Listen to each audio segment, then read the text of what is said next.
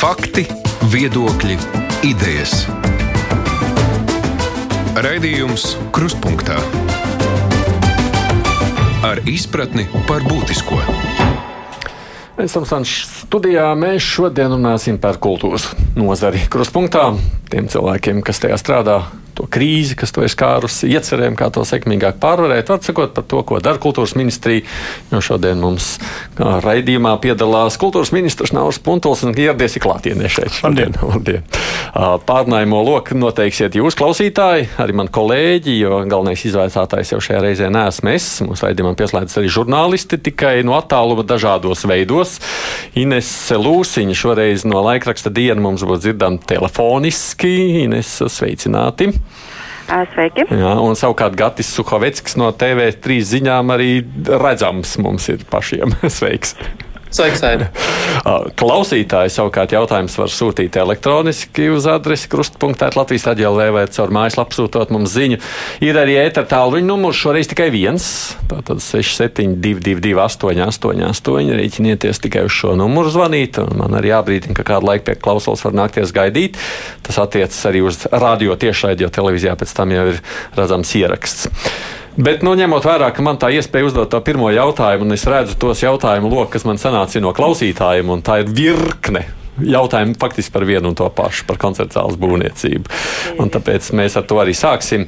Ko jūs sakāt par tām arhitektu bažām? Kultūras vērtība, esošā ēka pati par sevi, gribat tagad nojaukt to? Jā, es patiesībā joprojām esmu vēl smaidošs pēc vakardienas ministra kabineta sēdes, jo vakar tika pieņemts vēsturisks lēmums. Tas ir lēmums, par kuru gan kultūras visiem iepriekšējiem kultūras ministriem, gan arī valdībai kopumā katrā svētku reizē, nu, kur varbūt tas nav nemaz tik iederīgi, vienmēr tiek pārmests, ja nu kādēļ gan mūsu valstī joprojām nav šīs nacionālās koncerta zāles, ka tas ir kauna traips, un es absolūti piekrītu, ka tas patiešām ir viens milzīgs parāds, ko valsts nav spējusi nokārtot gadiem ilgi attiecībā pret kultūras nozari, īpaši jau pret mūsu attiecīgi pret uh, mūzikas nozari, kas es nekautrēšos šie vārdi mūsu valstī patiešām izcili. Mēs decentralizējāmies vismaz beidzot. Mums ir cēsis, liepāja, Vēnspils. Jā, bet mēs runājam par, par tiešām par cienīgu nacionālo koncertu zāli valsts galvaspilsētā, un, un tās iztrūkums ir patiešām kauna traips, nereiķinoties arī uz decentralizāciju.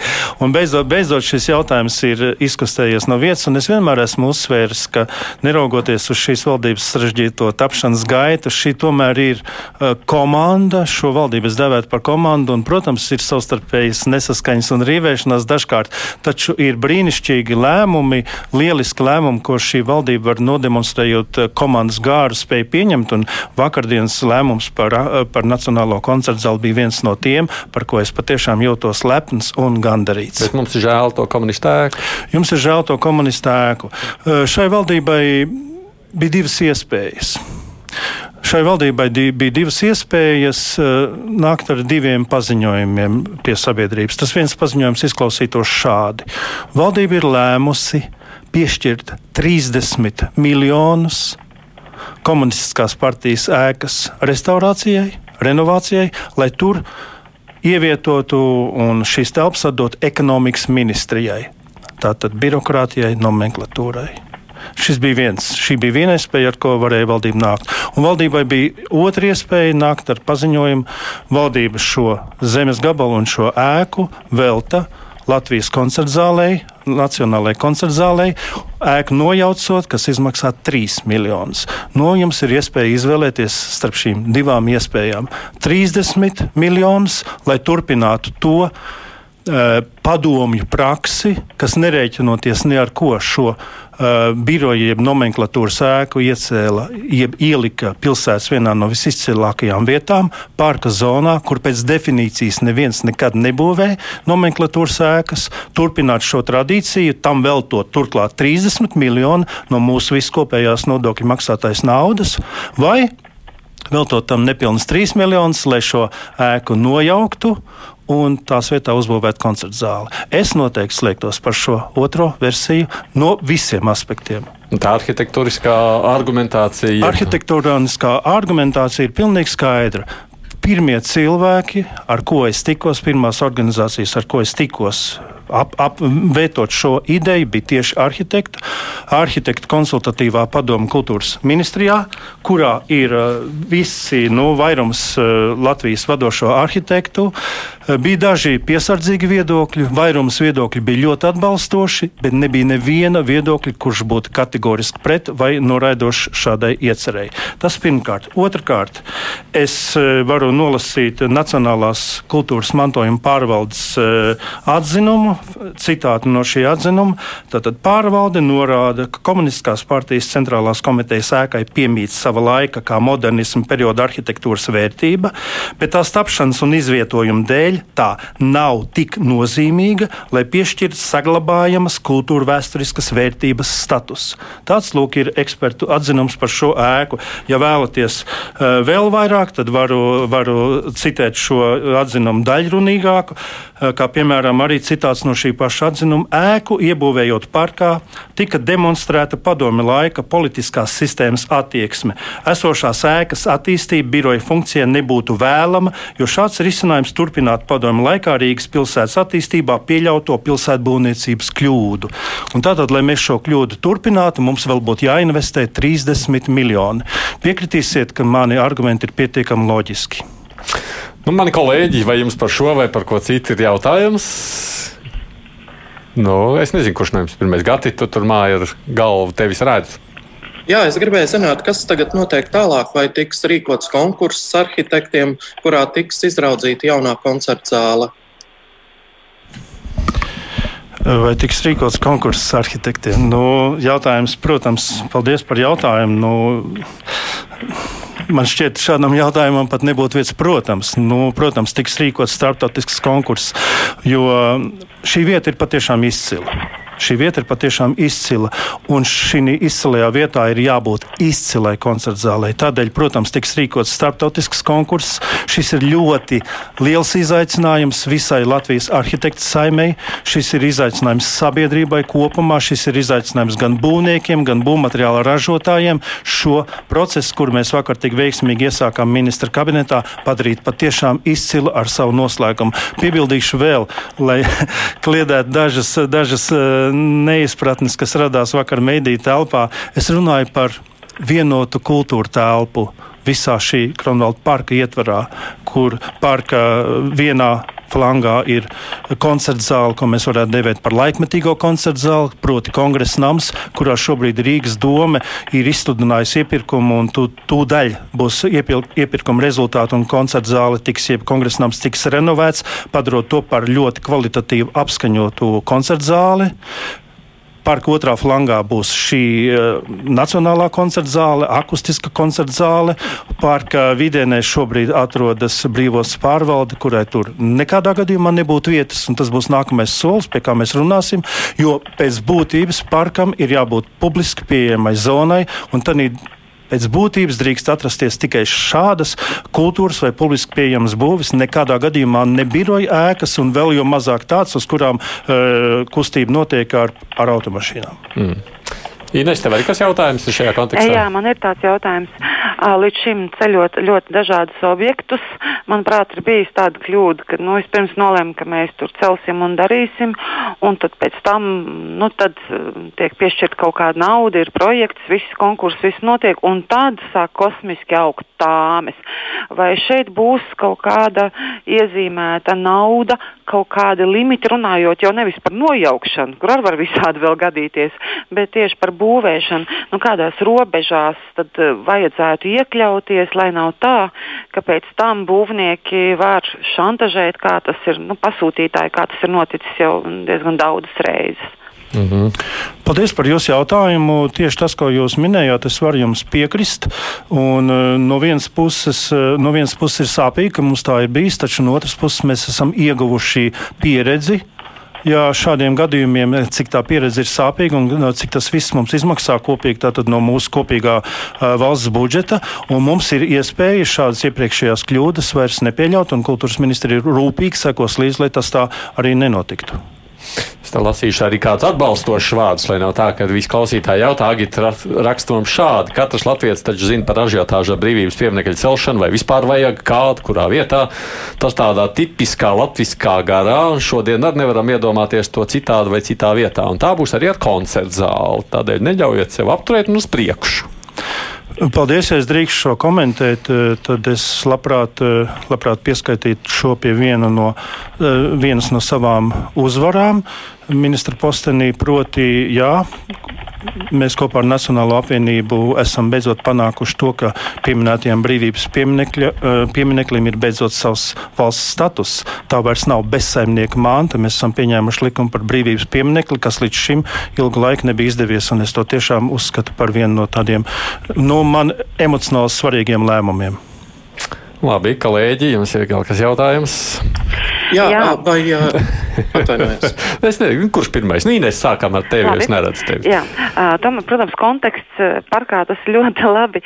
Un es apsveicu ar to, ka koncerta zāle mums būs. Man patīk, ka viņi būs Rīgas centrā, ja kādam svarīgi mans viedoklis. Bet ir tomēr arī tas, ka šobrīd ir lielas problēmas ar nacionālo, nacionālas nozīmes četru reģionālo koncertu zāļu izdzīvošanu Covid krīzes laikā. Un, es domāju, man vēlreiz nav jāuzskaita. Tad Rēzeknes cēsis. Šajās abās vietās ir vissāpīgākā situācija. Ir atlaisti daudzi darbinieki. Nav zināms, vai šos darbiniekus uh, viņi pēc tam iegūs atpakaļ, vai viņi nebūs izklīduši citos darbos.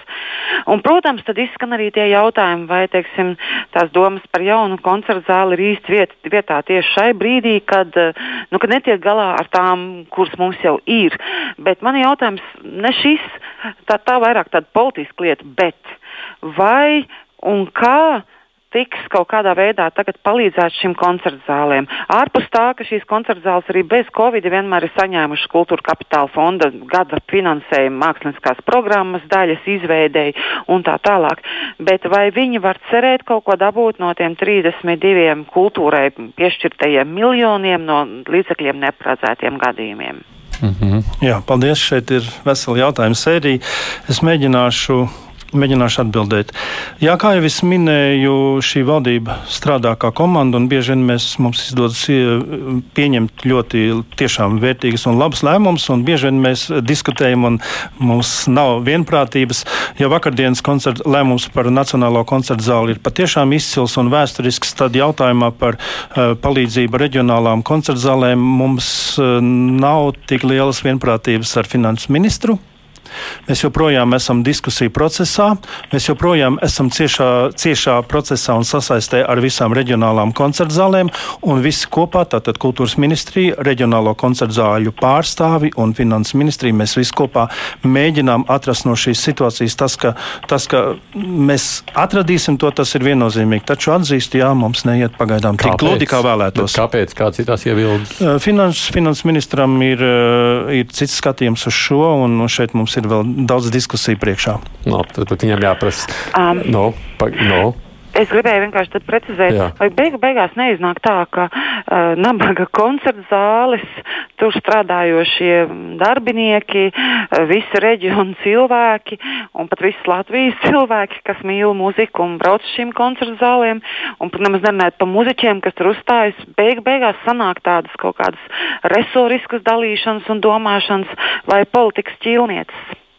Jā, es, es vēlreiz atkārtošu, mēs patiešām ļoti, ļoti cenšamies un, un atrisināsim šo problēmu. To es, to es varu apsolīt, ka mēs atradīsim veidu, kā to atrisināt. Bet tā domstarpība, ja, jūs, ja, ja es varētu teikt, starp kultūras un finanšu ministriem ir tāda, ka tiešām jā, finanšu ministrs uz šo reģionālo koncertu zāli skatās ļoti precīzāk tēmējot, kā Cēsu, Liepājas vai Reizeknas koncertu zāli, taču mēs no kultūras ministrijas šo mē mēģinām eh, lūgt paskatīties plašāk, tieši arī atspēkojot, jeb attaisnojot šo nosaukumu reģionālā koncerta zāle. Tas nav tikai mūsu uztverēt sēsu, liepais vai, vai, vai reizeknas jautājums. Šis ir reģiona jautājums, un, un šādā kontekstā paskatoties uz šo, šī aina jau iegūst, iegūst pilnīgi citu skatījumu. Ja mēs esam procesā, mēs patiešām uh, varat būt droši, neesam šo atstājuši novārtā un neatstāsim, kamēr mēs neatrisināsim. Okay. Gati, gati Gati, uh, Gatim, ļauj man jautāt arī Gatim, citādāk viņš tur stāv un tikai ievelk elpu. Jā, Gati. Vai jūs lūdzu varētu precizēt teikto par Rīgas brīvostas pārvaldes ēku, vai arī tā jūsuprāt ir jānojauc? Es, es neteicu, ka jānojauc. Un patiesībā droši vien, ka mēs nerunātu, nerunātu nu, tik drosmīgi arī par šīs komunistiskās partijas ēkas nojaukšanu. Nerunāt tik drosmīgi, ja, ja mums nebūtu šī dilemma, vai ieguldīt tādā 30 miljonus vai nojaukt. Ja, ja tiešām šī ēka, šīs ēkas uh, restaurācija vai remonts prasītu nu, pusmiljonu vai tam līdzīgi, mēs droši vien tik drosmīgi soli šobrīd nespērtu. Bet tieši šī dilemma, ka vai nu ieguldīt 3 miljonus nojaucot vai 30 restaurēt, tā mums, tā mums piedod šo, šo drosmīgo skatu. Ne, ne, nemēģināšu nemaz teikt, ka tas nav drosmīgs skats. Tas varbūt nav pārdrošs, kā, kā es uzskatīju, tā bija dāmbi, bet drosmīgs gan. Un mēs neesam vienīgie drosmīgie. Ja vēlaties salīdzinājumu, tad eh, Lietuva šovasar jau sāk nojaukšanas darbu savai arotbiedrības ēkai, kas arī ir laikmeta zīme, kas arī ir eh, laikmeta zīme no, no Staļina laikiem, kārtīga, pamatīga būve, kuras vietā tad būs Viļņā šī nacionālā koncerta zāle. Bet, ja jūs man vaicājat par brīvos pārvaldu, es šobrīd, šobrīd runāju vienkārši principiāli. Ja? Es nedomāju šo ēku uh, nojaukt. Es vienkārši redzu, ka kopā ar sabiedrības iesaisti mēs visu to visu Kronvaldu parku varētu uh, padarīt par vienotu kultūra telpu, un, un tās sastāvā noteikti arī būtu šī, šī ēka, kas atrodas vidū starp abām iecerētajām koncerta zālēm, un tikai lūgtu sabiedrību man nepārprast, kā, kā tas vakar eh, sanāca diezgan komiski. Jaunā uh, Nacionālā koncerta zāle ir plānota uzbūvēt tik liela, lai sasaistītos kopā ar, ar, ar, ar kongresa namu. Tas, šī sasaiste bija domāta vairāk emocionāli, protams, ne tehniski, jo mums arī no šīs uh, kultūras mantojuma pārvaldes ir, uh, ir ieteikums, jeb, jeb nosacījums, ka mums ir jāiekļaujas esošā, esošā būvapjomā, protams. Mm -hmm. Nu, man te gan arī tādi, kas ir skeptiski par to visu. Jānis raksta šādi, cik es zinu, koncerta zālē būs vietas, nu, pusotra tūkstoša, 1400 cilvēkiem. Jā. Te mēs 3 miljonus izmetīsim nojaukšanai, nu, tad tur cik tur miljonu projektēšanai plus entie būvēji. Lielākā daļa no laukiem šo zelta pilvienu televīzijā redzēs, maksāsim visi. Es esmu dusmīgs par to. Es saprotu, es, Jānis bija vārdā. Jā, jā Jānis. Es saprotu Jāņa dusmas, un droši vien, ka, droši vien, ka Jānis tikpat argumentēti varētu būt dusmīgs arī par tiem deviņiem miljoniem dotācijas, ko valsts katru gadu samaksā Latvijas Nacionālajai operai. Un es pieļauju, ka, es pieļauju, ka Jānis nav nemaz tik bieži operas apmeklētājs, taču, nu jā, tās ir tās valsts prioritātes un tāda ir tā valsts politika. Kolēģi, Ines? Um. Katrā ziņā uh, pirms uh, veidot šos visus konkursus par jauno koncertu zāli, tātad vai būs tāds uh, vispār konkrēts, konkrētu noteikumu komplekss, nu, kam ir jābūt tajā koncertu zālē, kam obligāti jābūt, lai arī neatkārtotu tās kļūdas, kas pieļautas būvējot vienotu reģionālo koncertu zāli. Nu, piemēram, tur lo ar loģistiku ir grūtības ar instrumentu pārvietošanu uh, ambiciozajā liepājas lielajā dzintarā, ja, piemēram. Nu, tad ir kādi jautā par Jā, protams, protams bet eh, es šo, es šo drīzāk, jā, šis vakardienas lēmums bija vairāk uh, politisks un konceptuāls, kas attiecas uz jau konkrētām detaļām. Tur, tur, tur tiešām būs uh, galvenokārt ekspertu, proti arhitektu iesaiste un, protams, arī visas sabiedrības iesaiste, ja mēs skatāmies šo kontekstā kā vienot kultūra telpa un uh, diskusijas ar sabiedrību tieši arī par šīm funkcionālām lietām, kā auto, auto stāvvietām vai ko citu. Nu, jā, tas Nē, nu, es domāju, protams, lifti, tas ir mums priekšā. Es domāju, lifti instru, smagāko instrumentu pārvadāšanai vai paceļamas, nolaižamas platformas uz skatuves orķestrim. Iespēja iedabūt iekšā zālē un uz skatuves lielās koncertu klavieres. Nu, kā jau es minēju, kā jau es minēju, šī ir izcila vieta koncertu zālē, un mūsu visu pienākums ir uzbūvēt izcilu koncertu zāli, paredzot arī, paredzot arī visas šīs lietas, par ko jūs minat, lai viņi būtu izcili ne tikai arhitektoniski, publiski pieejami, bet arī, arī funkcionāli, ņemot vērā visu to, ko jūs nu pat minējāt. Okay. Gati, tev iespēja jautāt. Sakiet, kāds ir laika grafiks, kad ir plānots sākt nojaukšanas darbus un kad varētu sākties celtniecība? Nojaukšanas darbi sarunās ar valsts nekustamiem īpašumiem. Nu, mēs prognozējam, ka nojaukšanas darbi varētu sākties nākamā gada pavasarī. Paralēli tam mēs, protams, jau varam strādāt, strādāt starptautiski pie, pie šo metu, metu konkursa, lai, lai nekavētu laiku. Nu, droši vien, ka laika grafiks, lai sāktu būvēt, varētu būt pēc trim gadiem. Mm -hmm. Ir vēl kādi jautājumi kolēģiem tieši par šo, vai varam iet citos tematos arī? Nu, varbūt pēdējais, tad tiešām kādos termiņos šī koncerta zāle, tad varētu mēs cerēt jau baudīt koncertus. Tomēr termiņus gribam dzirdēt. Jā, es, es, es vēl gribēju koncerta zāles sakarā dažas lietas pateikt, kas varbūt nav izskanējušas. Tātad šo ēku paralēli manis, manis minētajiem 30 miljoniem, lai to, lai to varētu renovēt, ir viena neizbēgama prasība. Tātad valsts ugunsdzēsības dienests ir uz eh, ir eh, piešķirts šai ēkai lieguma status sākot no 21. gada.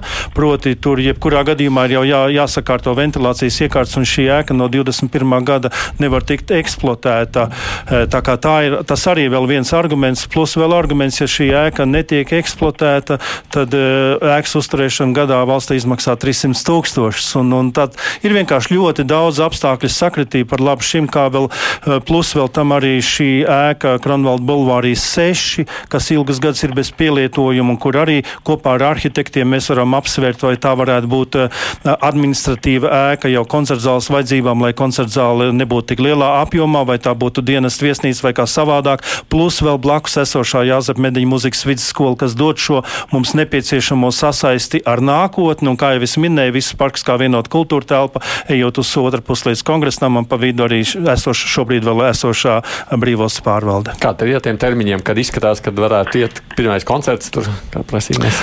Uh, nu, septiņi gadi būtu šobrīd, šobrīd mūsu, mūsu prognozēs. Es esmu mazliet optimistiskāks. Es, es tā kā tēmēju uz sešiem pat, bet, nu, laikam tā reali, realitāte varētu būt septiņi.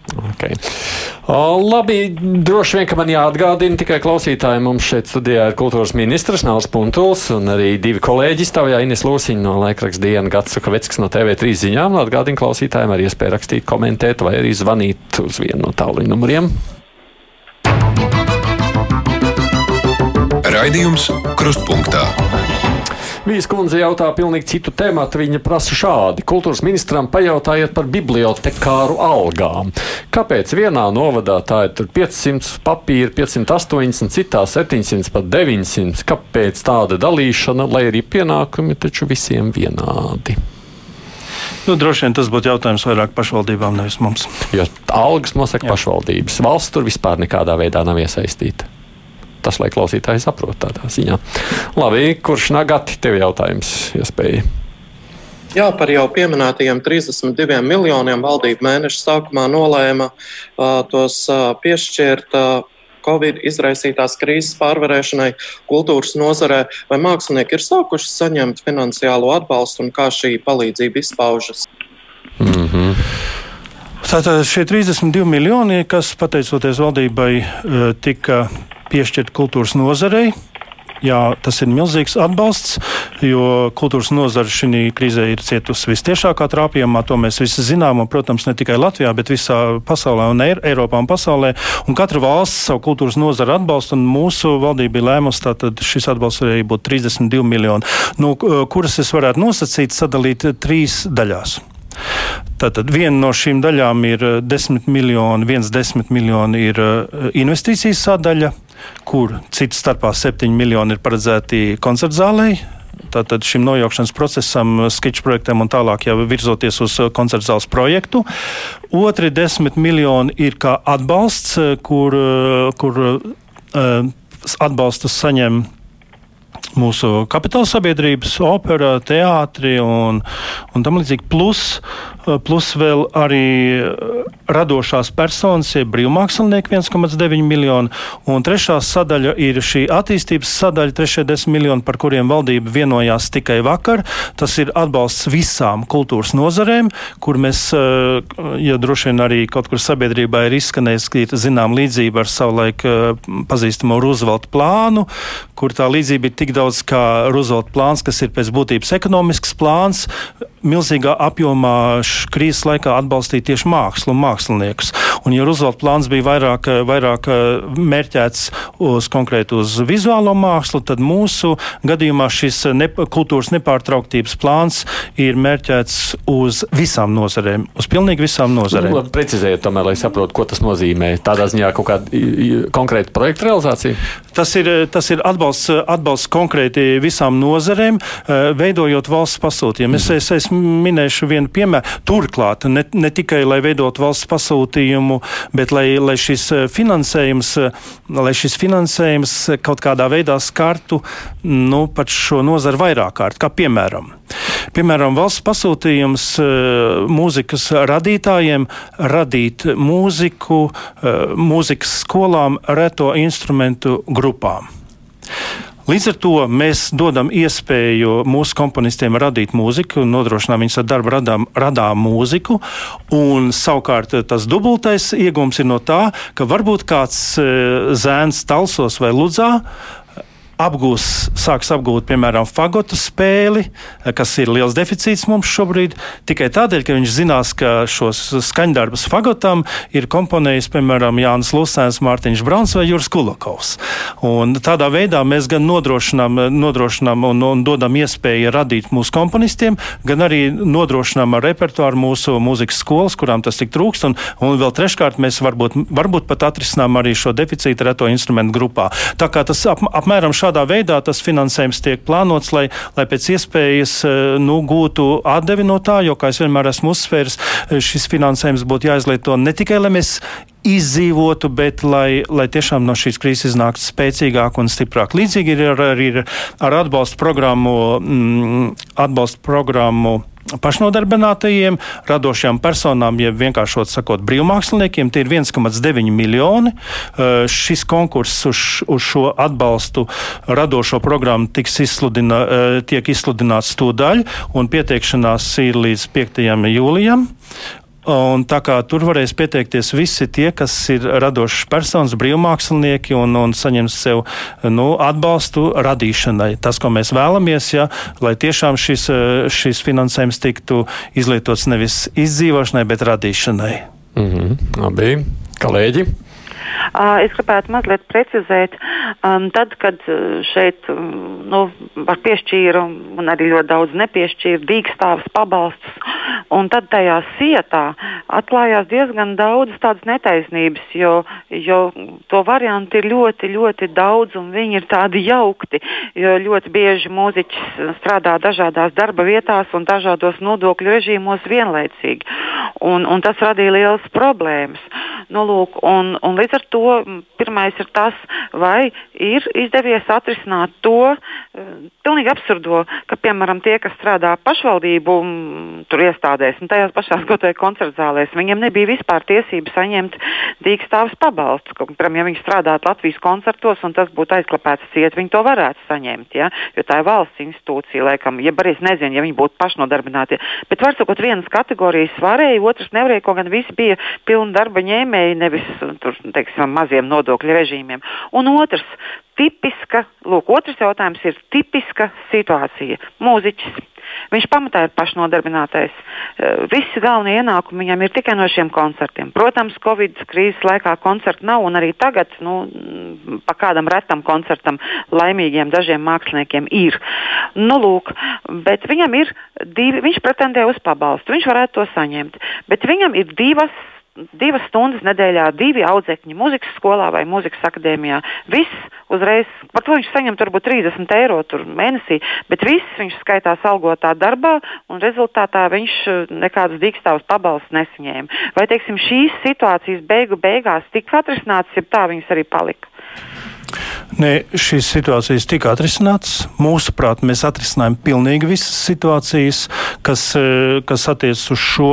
Jā, es piekritīšu, šis, ir, šī, šis bija ļoti sarežģīts laiks arī, arī, arī mums kā kultūras ministrijai, jo mēs bijām nemitīgā sasaistē ar finanšu ministriju valsts ieņēmumu dienestu un, un patiesībā bija maz radošs process šī darbā, bet mūsuprāt, mēs atrisinājām visas šīs situācijas. Mazliet sarežģītāk, es piekritīšu, atkal mums gāja tieši ar pašvaldībām bet situāciju, ka, mm, ka mm, kāds pašnodarbināts, piemēram, mūziķis, kā jūs sakāt, kurš strādā uz nepilnu slodzi mūzikas skolā, nevarētu pretendēt uz pabalstu šo situāciju. Mēs pilnīgi droši atrisinājām, un tā bija viena no pirmajām, ko mēs atrisinājām jau pēc autortiesībām un, un, un citām lietām. Jā, ja turpinu šo tēmu, tur bija daudz, jūs pieminējāt, ka tur bija daudz netaisnību, taču, nu, vai vienmēr visas netaisnības bija tik objektīvi aizstāvāmas, nu, to man arī, es negribētu šobrīd būt ne soģis, ne, ne kritiķis, jo es saprotu, Uh, saprotu, pašnodarbināts personas maksāja nodokļus valsts piedāvātajā oficiālajā nodokļu režīmā. Bet, kā es vienmēr uzsveru, es cīnīšos līdz pēdējiem par katru, kurš ir maksājis šos nodokļus uh, pilnā apmērā. Bet mm. man ir, grūti, man ir grūti cīnīties par kādu, kurš, eh, nu, kur man ir grūti argumentēt valsts ieņēmumu dienestam, zinot šo honorāru apmēru un redzot šo nodokļu nomaksu gada laikā, man ir grūti par tādu cīnīties. Un tāpat laikā, ja es arī par tādu cīnītos līdz pēdējiem, vai es justos labi tā, priekšā, tā mūziķa priekšā, kurš ir maksājis nodokļus no, no šiem pieļaujamiem 430 eiro. Katru mēnesi 138 eiro ir maksājis nodokļus. Arī janvārī, arī februārī un martā, kad viņam nav koncerta, viņš zobus sakots to ir maksājis. Un tagad, jā, viņš saņem, viņš ir tiesības, e, bija tiesīgs saņemt šo dīkstāvs pabalstu. Es viņu, vai tas būtu taisnīgi, kā jūs sakāt, ka es viņu padarītu līdzvērtīgu ar kādu, kurš ir pelnījis tikpat daudz un nav maksājis šos nodokļus tādā apmērā. Nu, tā ir diskusija, garāka diskusija. Tā ir ļoti, ļoti liela mācība gan mums, gan valdībai kopumā, kā turpmāk strādāt ar nodokļu sistēmu. Es noteikti būtu viens no tiem, kurš atbalstītu ļoti vienkāršu nodokļu sistēmu. Nesmu nodokļu eksperts, bet tas, ko pazīst ar eh, nodokļu sistēmu, ar, ar darījumu kontu, absolūti vienkāršot mm. nodokļu nu, sistēmu. Nu, Tāpat laikā, lai tas būtu sociā, ar, ar visām sociālajām garantijām. Jā, mums Ulus rosina kaut ko darīt šajā situācijā, lai, nu, lai nākotnē to novērstu novērst, sakot, ka jau tas mēģināt sakārtot šo Jā, es, es protams, jā. varu rosināt, bet es, es, es, es noteikti nemēģinātu apgalvot kādam, ka es esmu izcils nodokļu eksperts un es būšu tas, kas to izdarīt. Es varu rosināt, un mēs to arī darīsim. Kultūras ministrija sniegs savus priekšlikumus, kā mēs, mūsuprāt, saredzam šo situāciju, kādai vajadzētu būt nodokļu sistēmai kultūras nozarē. Jā, bet eh, tas jau būs kopīgs valdības Protams, lēmums, jā. mēs to nevaram atraut. Gati, tev jautājums. Covid dēļ, protams, ir ļoti liela neziņa par nākotni, jo tie iemesli ir objektīvi. Tomēr vai ir kāda skaidrība, kā teātros un koncertzālēs rudenī varēs sākties jaunā sezona, vai ir jau zināms, kāda piesardzības pasākumi noteikti būs jāievēro?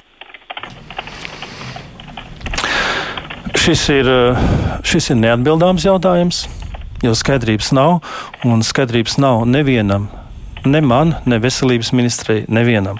Un mums atliek tikai paļauties uz to, ka mēs kā nācija esam disciplinēta. To mēs esam pierādījuši līdz šim, un uh, mūsu veselības nozare strādā labi.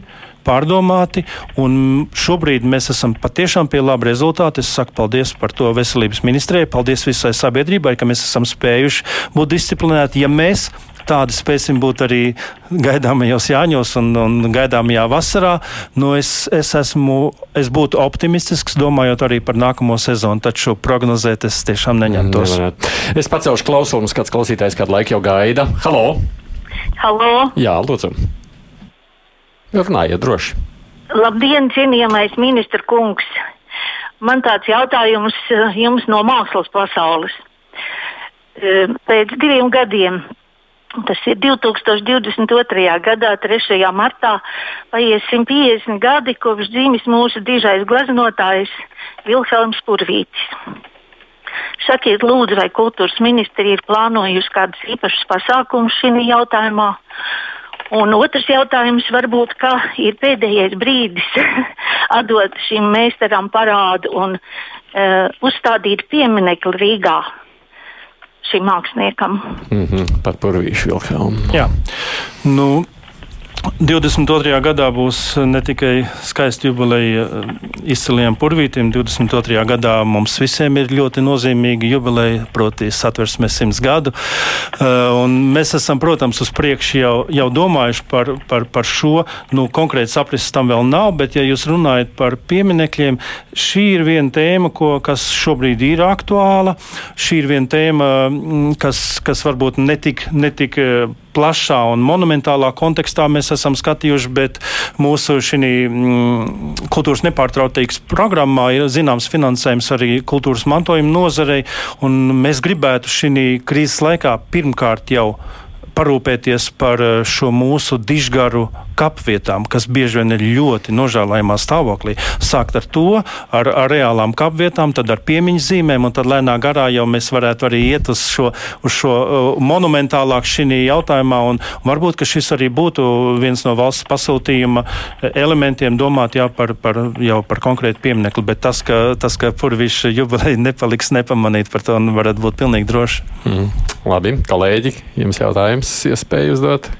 Mhm. Es tikai mazliet atgriežoties pie tiem iepriekšējiem jautājumiem par tiem pašnodarbinātiem un pabalstiem, gribēju tikai piebilst, ka es nebiju domājis tādā virzienā, ka tas, kas nav maksājis nodokļus, būtu pielīdzināms tam, kas ir maksājis, ja, vai vairāk, mazāk, bet tas, ka, teiksim, ja tu esi pilnībā simtprocentīgi pašnodarbināts un maksājis nodokļus, tad tu saņēmi to pabalstu, bet ja tu biji pašnodarbinātais, maksāji nodokļus, bet tev bija arī divi audzekņi, tad bija problēma šo, šo pabalstu atbalstu dabūt, viņš netika piešķirts. Par to es domāju, ka tur tas paradoks ir, ka varbūt no, tāpēc arī tas... ir, ir daudz labāk tomēr sakārtot tās nodokļu lietas, padarīt viņas vienkāršākas, sistemātiskākas, jo, jo tas vidas iets vienkārši nu, nesaprot tās lietas. nu, nesaprot.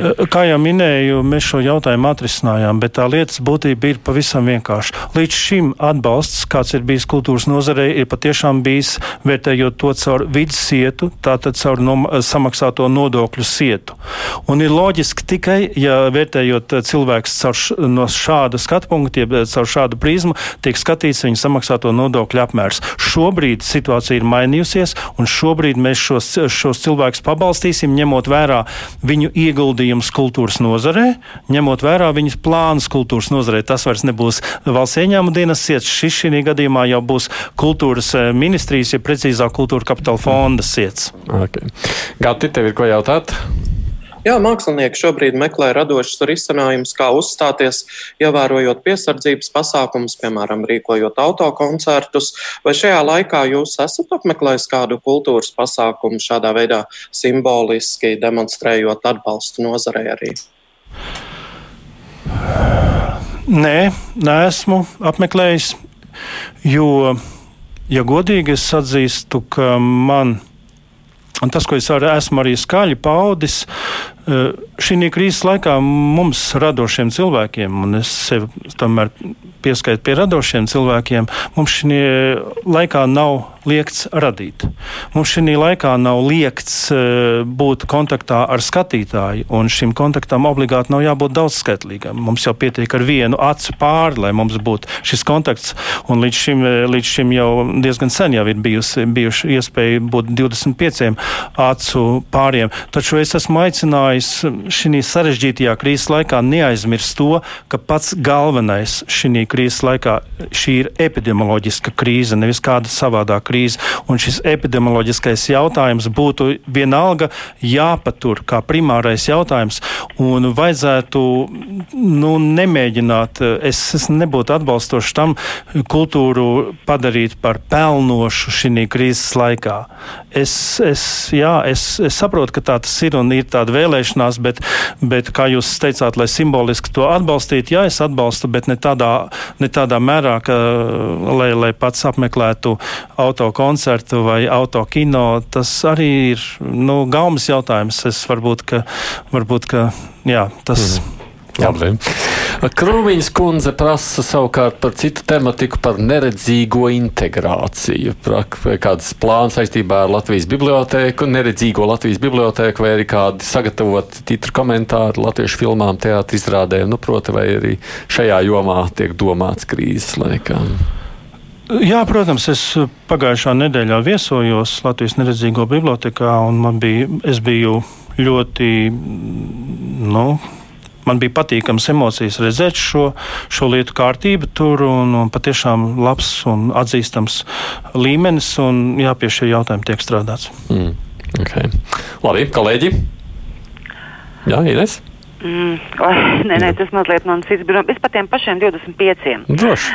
Par tiem 25 acu pāriem, un tagad jau mazliet vārām, kas var būt. No vienas puses mēs priecājamies, jau, kad var pirmie 25 cilvēki klausīties koncertu, būt kādā citā pasākumā. Es par mašīnu koncertiem nerunāju, ja tas īsti man liekas nav baudījums.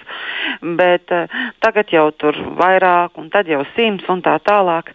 Bet uh, tajā pašā laikā tomēr epidemiologs galvenais mūsu Uga Dumpis publiski aicina nu, cilvēkiem nu, labāk piesargāties un nebūt arī šo 25 vai, vai 50 skaitā, nu, neiet uz šiem pasākumiem.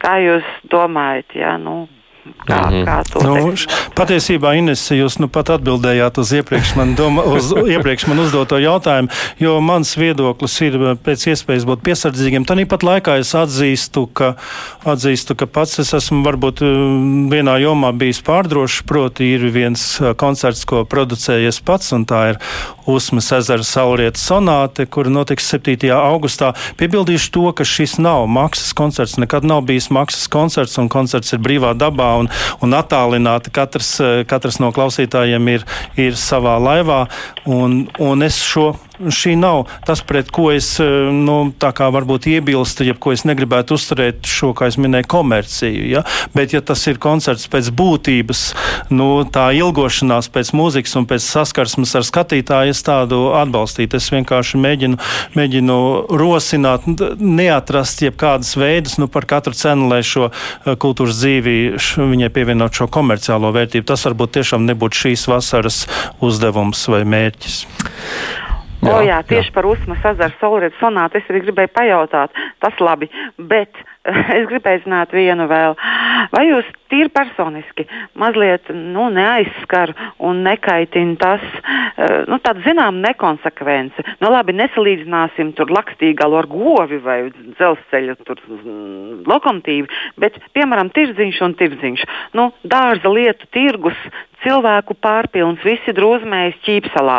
Tas notiek un drīkst notikt. Nekāda īsta distance tur netiek ievērota, maigi sakot. Tajā pašā laikā nu, salīdzinām lielumu. Brīvdabas gada tirgus, kas, kuru katru gadu gaida amatnieki un tautas amatniecības mākslas mīļotāji, nu, to nācās pārcelt un beig, beigās vispār šovasar atcelt. Mm, komentāru gaida. Es sapratu, Ines, jūsu jautājumu. Droši vien šis būtu jautājums, uz ko man būtu grūti politiski atbildēt. Ne, bet vienkārši kā, ka kultūra vēl joprojām tiek mīcīta vairāk, un citur brīvības tiek pieļautas lielākas. Es Ines jums absolūti piekrītu. Atbilde bija. Briezes kundze prasa par tādu kopējo skatu. Latvija pirmajā vietā Eiropā jau tērē 2,8% no valsts budžeta gadā kultūrai. Cik liela daļa no šī finansējuma tiek tērēta jauno talantu virzīšanai un atpazīstamībai?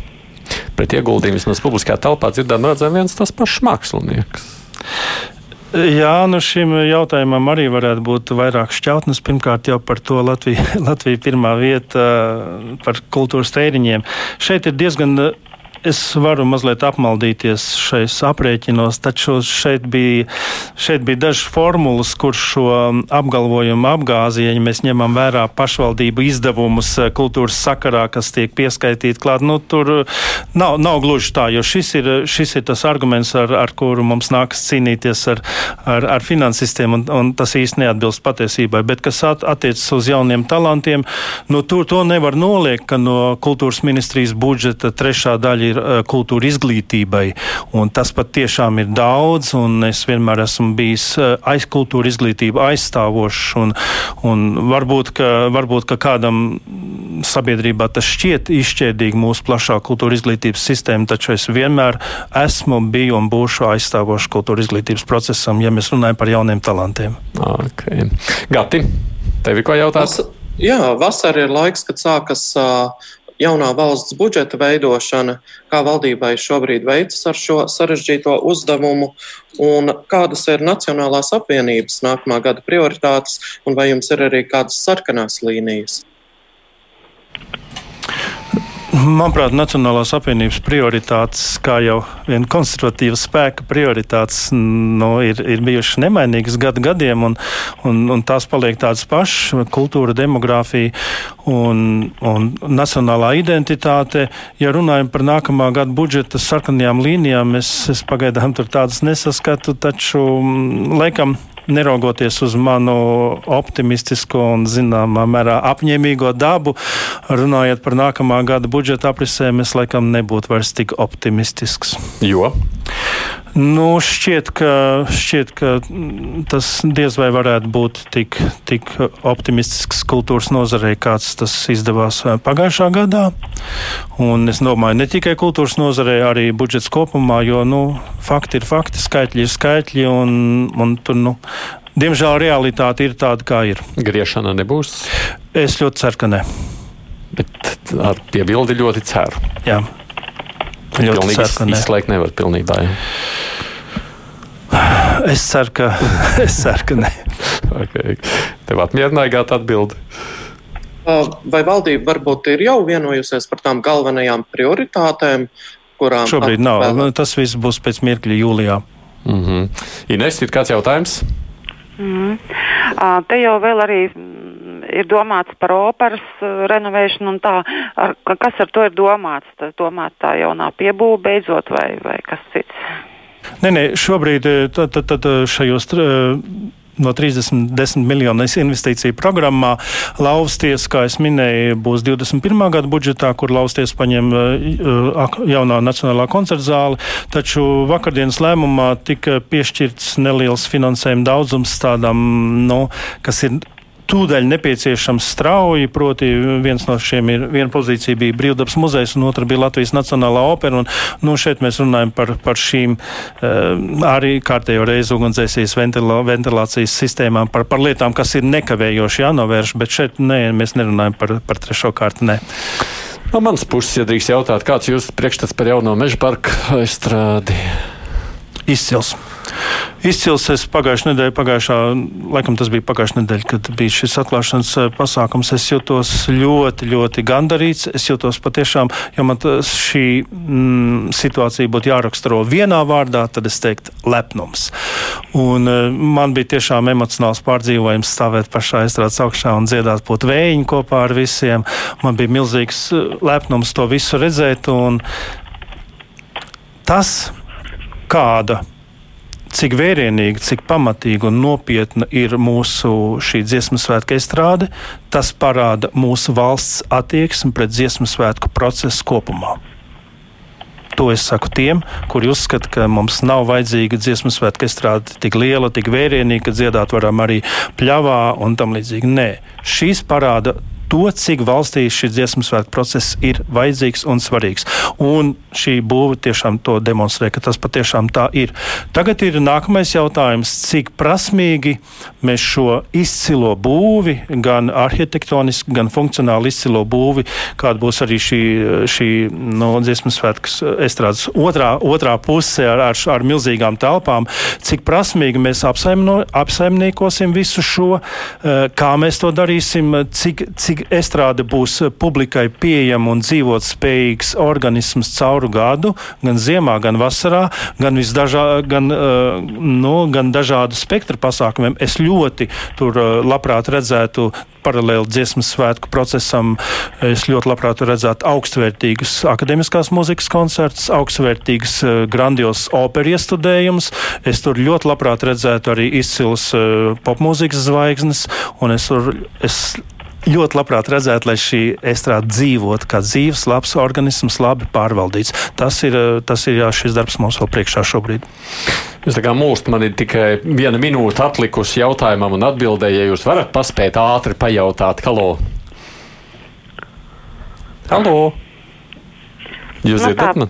Nepretendēšu, ļaušu. Nē, jā, ne, man, es mēģināju pacelt klausītāju, uzklausīt, bet viņš acīm redzot, mani šobrīd vairs nav gatavs dzirdēt.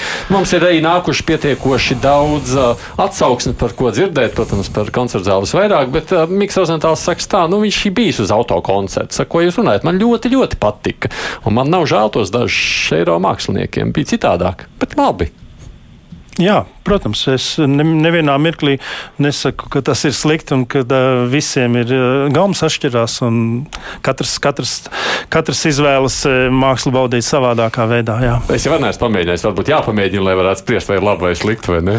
Jā, nu, varbūt, tā viena no atbildēm ir tā, ka es pēc būtības nekad savā automašīnā neieslēdzu radio, jo man, man es pēc savas būtības mūziku nelietoju fonā, tā kā es īstenībā nezinu, kādā kvalitātē skan mans radio, un zinu, ka šādos autokoncertos eh, tā skaņa nāk tieši no radiofrekvences. Nu, nu, mēs iegūstam frekvenci un skan tas autoradio. Es patiešām nezinu, vai viņš ir pietiekamā kvalitātē, lai es varētu to baudīt. Kultūras ministrs Nāvis Puntols, paldies, ka atnācāt šeit uz krustpunktā. Paldies par uzaicinājumu. Es saku arī paldies maniem kolēģiem Ines Lūsiņa, Laikraksts dienu, paldies par pieslēgšanos audio variantā, un savukārt Gatim Sukaveckim par pieslēgšanos video variantā. Paldies jums, kolēģi. Tā raidījums šodien, krustpunktā līdz ar to izskan producenti. Mums ir Revija Unām un studijā šo sarunu vadīju es, Aidis Tomsons.